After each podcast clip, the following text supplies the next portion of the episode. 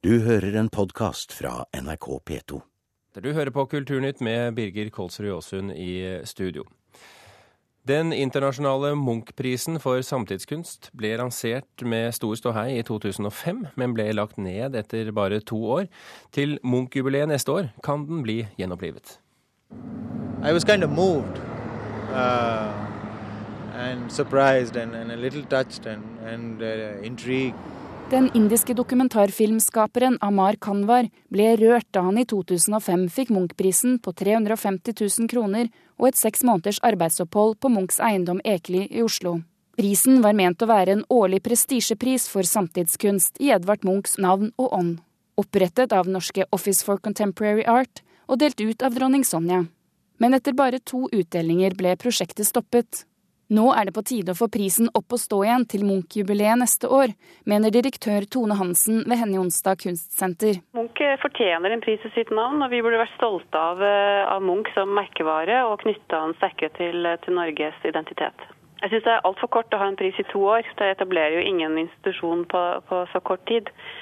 Så en sånn pris eh, bør jo deles ut hvert år Eh, over mange år for å kunne få en, en, enda større tyngde. Ledelsen ved flere kunstmuseer NRK har vært i kontakt med, mener det er på tide med en prestisjetung norsk kunstpris.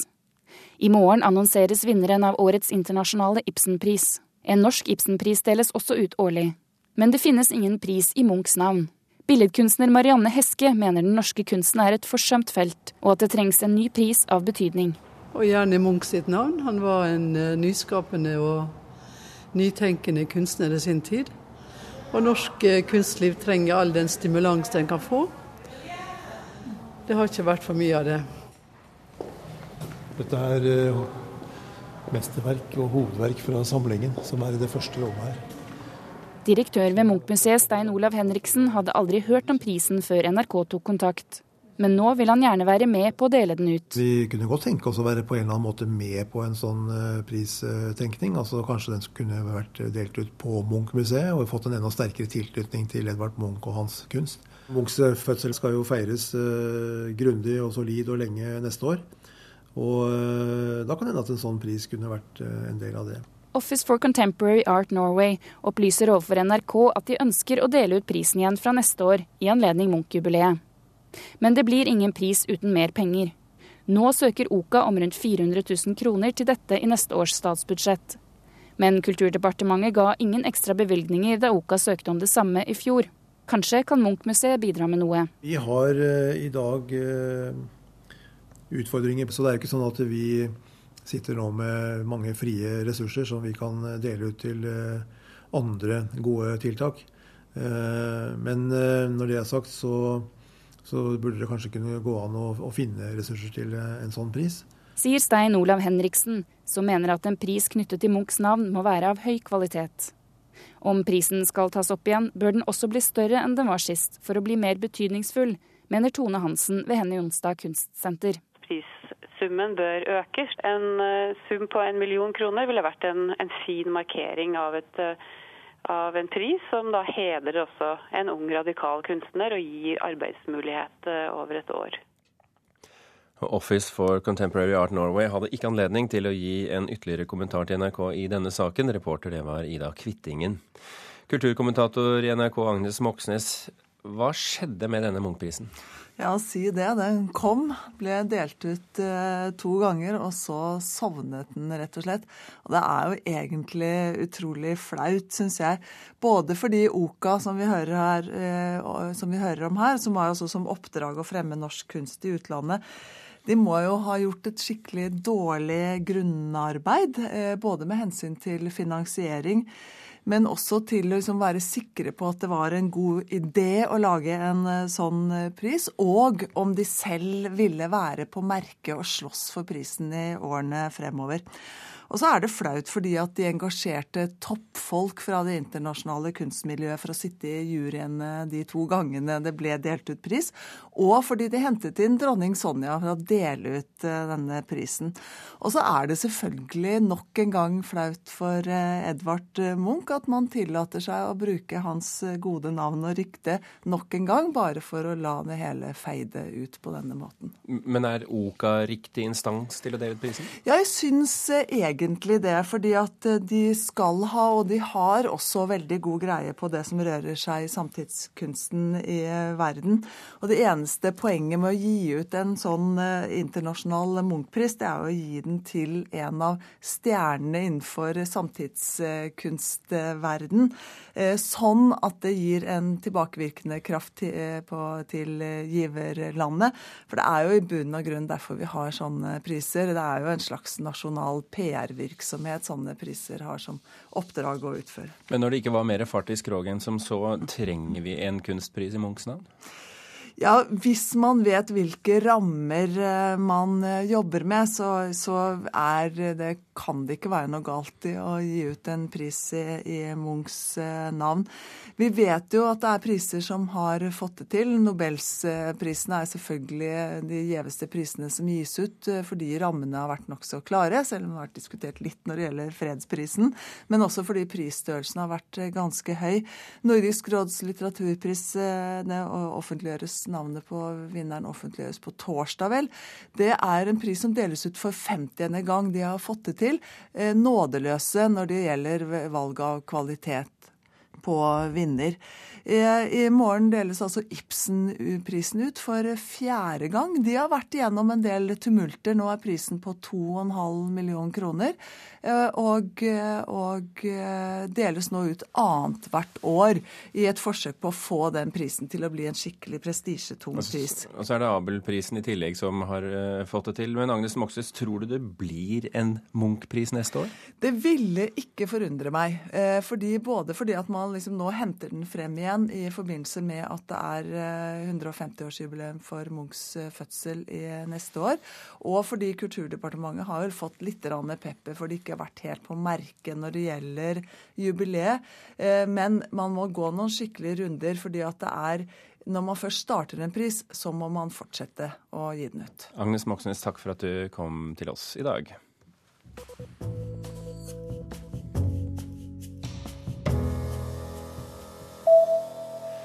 Bransjeorganisasjonen Film og Kino truer med å politianmelde lederen for Oslo internasjonale filmfestival, Tommy Lørdal.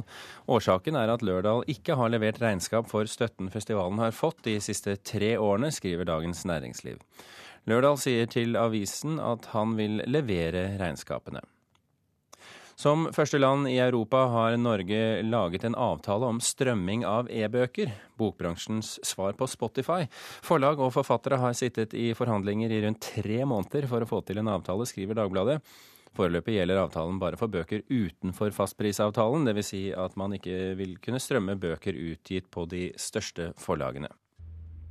NRKs konkurranse for unge klassiske musikere, Virtuos, fikk en vinner i går. Årets virtuos er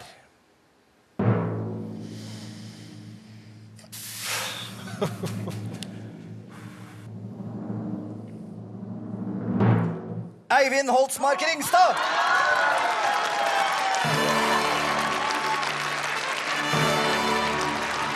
Gratulerer, Eivind.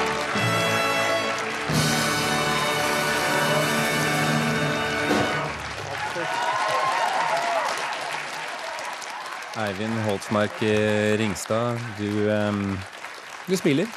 Ja, det gjør jeg. er det gode minner, selv om det bare er noen timer siden? Ja, det er det. Mm.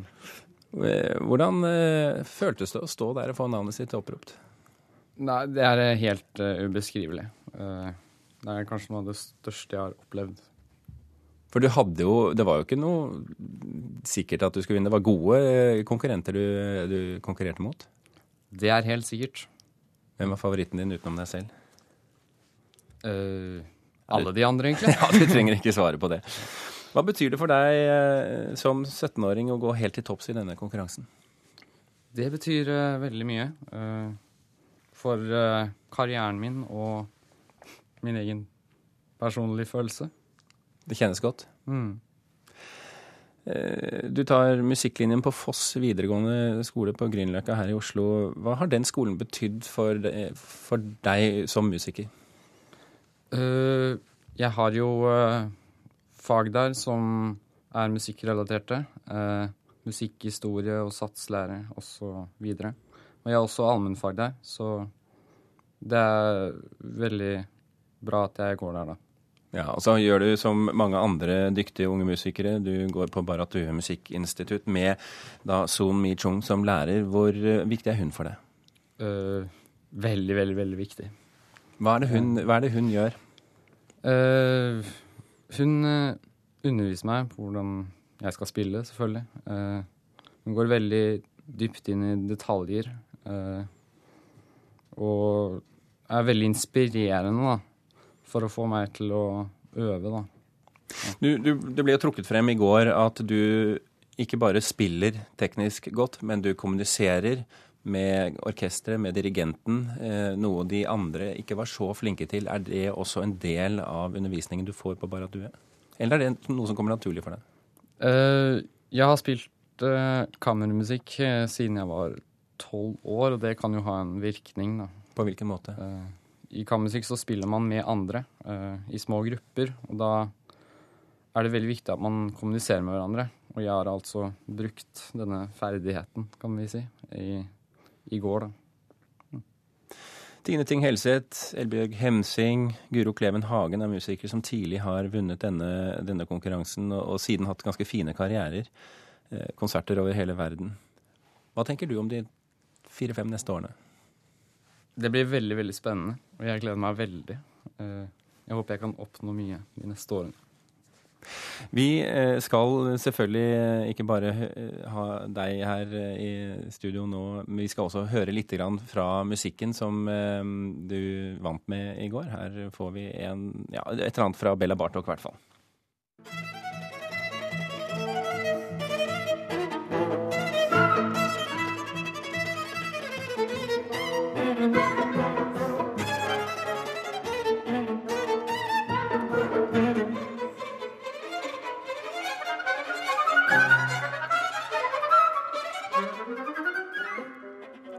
Syns han var flink, han som spilte her, Eivind Holtmark Svingstad. Ja, ja. Tusen hjertelig takk for at du kunne komme i Kulturnytt, Eivind. Du kan gjerne bare sitte litt eh, videre. Vi skal ha med oss musikkritiker i Aftenposten, Ida Habbestad fra Bergen. Og Habbestad, hva syns du om det du hører her? Ja, Det er voldsomt flott, syns jeg. Jeg er så imponert over at det er mulig i en alder av 17 år å uttrykke seg så modent og i så mange aspekter på instrumentet sitt. Akkurat som om Eivind eh, leter etter hvilke muligheter eh, som fins, og fyller ut eh, hele hele bratsjen. Eh, det er sjelden man får så rikt klangarbeid på, på dette instrumentet, så det syns jeg er veldig imponerende. Syns seieren var vel fortjent. Men Hvordan opplever du nivået på alle fem finalistene, for han hadde jo sterk konkurranse også? Han hadde det, og jeg syns generelt at det var et godt nivå på, på, alle kandidatene. Det er så imponerende å høre unge mennesker som har kommet så langt i utøvelsen sin allerede. Og alle sammen hadde valgt ganske voksne, vanskelige eh, stykker. Så jeg vil si at alle sammen har et godt Eh, og solid grunnlag å, å bygge videre på. Eh, men samtidig så syns jeg nok at, at, juryen fant fram til den rette kandidaten. Det var et klasseskille mellom, mellom Eivind eh, Holstad, Holsmark Ringstad og de andre. Og det går nettopp på det siste lille ekstra i, i den delen av det å være virtuos, som også handler om å vise musikalitet. Jeg tror nok de andre, noen av dem i hvert fall, var litt preget av av stundens alvor, og, og, mest opptatt av å få ting eh, riktig, mens Eivind hadde det siste overskuddet til å virkelig formidle musikken også. Og det er da det blir virkelig gøy. Du eh, hadde et begrep da vi snakket, om, eh, snakket sammen litt tidligere i dag. Du, du, snakket om det brutale aspektet. Hva mener du med det? Jo, det er jo brutalt å delta i en konkurranse som det her. Der eh, du vet så godt at du blir vurdert, du vet at det er mye som skal stå på spill. Du kan vinne 100 000 kroner, du får vist deg fram for mange mennesker i Wien hvis du kommer til finalen. Det kan bety, altså det kan bety noe så stort for karrieren din, men det er også en, en ganske hard vurdering, og det varsler jo på en måte hvilken bransje disse disse musikerne skal ut i. Det er nettopp det å delta i konkurranser og det å fokusere på detaljene og, og eh, de ørsmå nyansene har alt eh, å si. Og Det kan man jo diskutere selvfølgelig om om, er, om, det er det beste, om det er den beste utviklingen i samfunnet eh, vårt, at det er konkurransepreget hele tiden, da.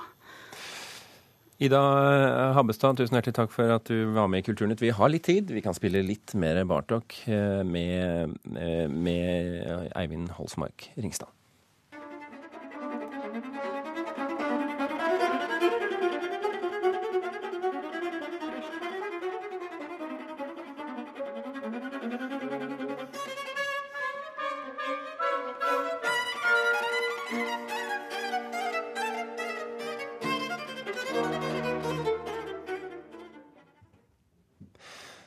Det blir en utfordring å få skuespillere med ikke-etnisk norsk bakgrunn til å spille på nynorsk. Det tror lederen for Nordic Black Theatre.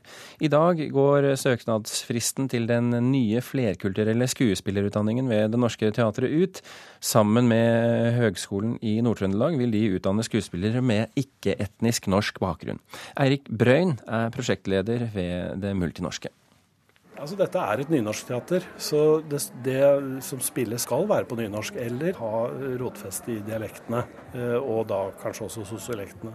Det, det, er noen gutter her som, som vet om det, så de skal spre året rundt. Eirik Brøyn og David Allen er på Kaféteatret på Grønland og jakter på potensielle skuespillere. De gjør et siste utspill for å skaffe søkere til skuespillerutdanningen som starter på Det Norske Teatret til høsten. Målet er å utdanne fire skuespillere med familiebakgrunn utenfor Europa. Nå legger jeg flyers slik at det blir litt synlig, og at folk skal plukke opp. Hva er det står på den? Det står 'Vil det bli skolespill' på nynorsk. Tror du folk er keen på å snakke nynorsk? Nei, de kommer til å lure på hva. Tobasi fra Palestina er en av de som vil prøve seg på audition. Og nynorsken, den kunne han gjerne ha klart seg uten. Ja, jeg vet hva det er. Så jeg vet nynorsk, men de også sier på søknaden at de trenger bare norsk. Han tror det kan bli vanskelig å få en av de fire studieplassene. Det er ikke sånn ti eller åtte, men fire. Det betyr ja, vanskelig å gå inn, så du må virkelig bli en interessant person til å gå inn. Men jeg håper at virkelig de velger riktige folk. For jeg vet den sjansen må gå til riktige folk. Jarl Solberg leder Nordic Black Theatre i Oslo. Et flerkulturelt teater som også gir skuespilleropplæring. Han har lang erfaring med å rekruttere ungdom til teatret, og tror utfordringen vil bli å finne skuespillerspirer som tør å nærme seg en institusjon som Det Norske Teatret. Altså, I hvert fall våre folk jobber med mange språk, og gjerne i herlige kombinasjoner. Og det er klart at hvis Det Norske Teatret tåler kebab nynorsk, så, så, burde ikke det være noe problem. Og jeg, jeg tror ikke det nødvendigvis skremmer folk fra å søke. Jeg tror, jeg tror, det er mer da, at folk kan være skummelt å nærme seg en sånn institusjon. Og da må de jo stå med veldig åpne armer når de da, for at folk skal komme dit. På Det Norske Teatret står egne garderober og venter på studentene.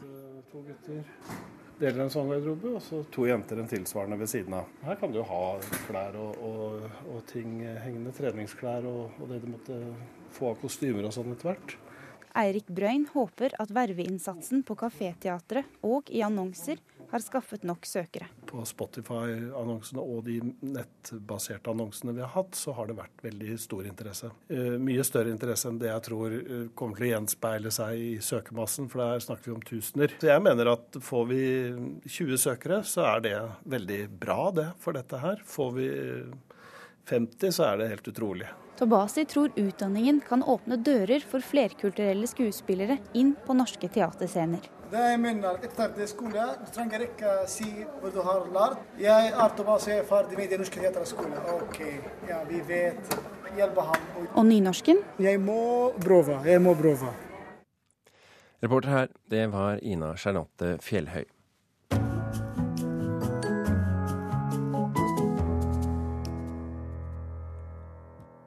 I 2011 hanket den britiske forfatteren Julian Barnes inn Man Booker-prisen etter å ha vært nominert fire ganger.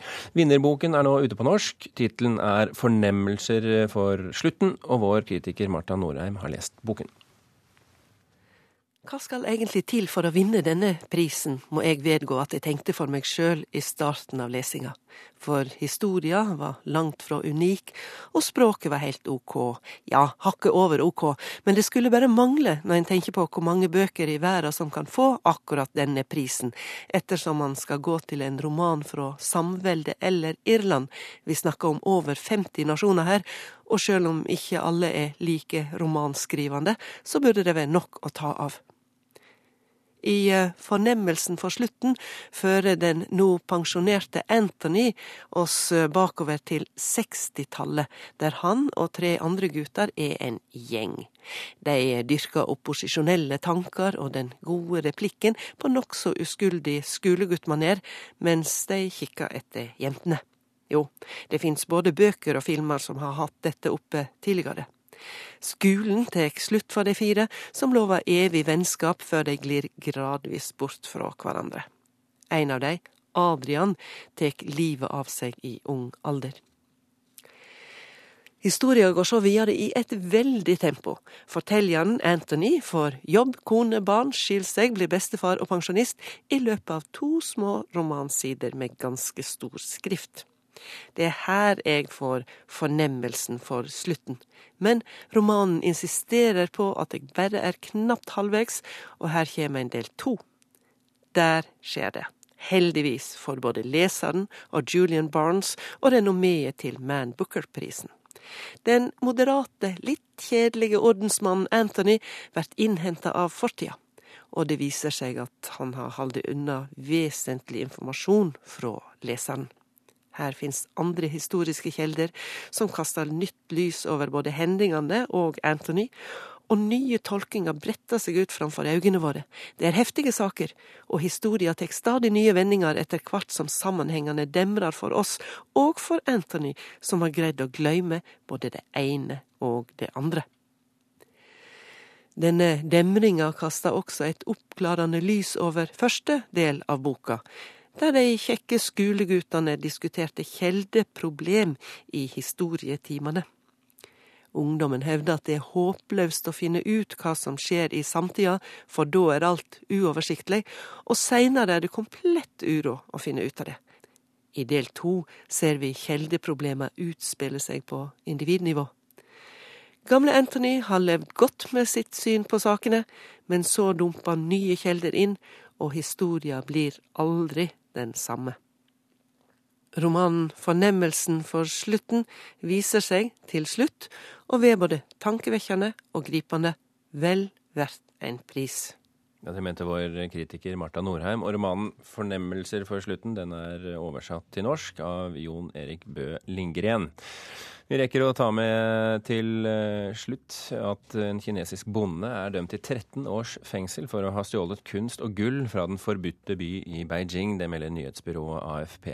Ifølge myndighetene brøt mannen seg inn i det strengt bevoktede tidligere keiserpalasset i fjor og fikk med seg gjenstander til en samlet verdi av rundt 9 millioner kroner. Kulturnytt er i ferd med å runde av. I dag har du hørt at norske museumsdirektører mener det er på tide at den internasjonale kunstprisen i Edvard Munchs navn gjenoppstår, og at Det Norske Teatret håper på nok søkere til den nye multikulturelle skuespillerutdanningen. Kulturnytt var ved Hanne Lunås, Andrea Kvamme Hagen, og her i studio satt Birger Kolsrud Aasund. Du har hørt en podkast fra NRK P2.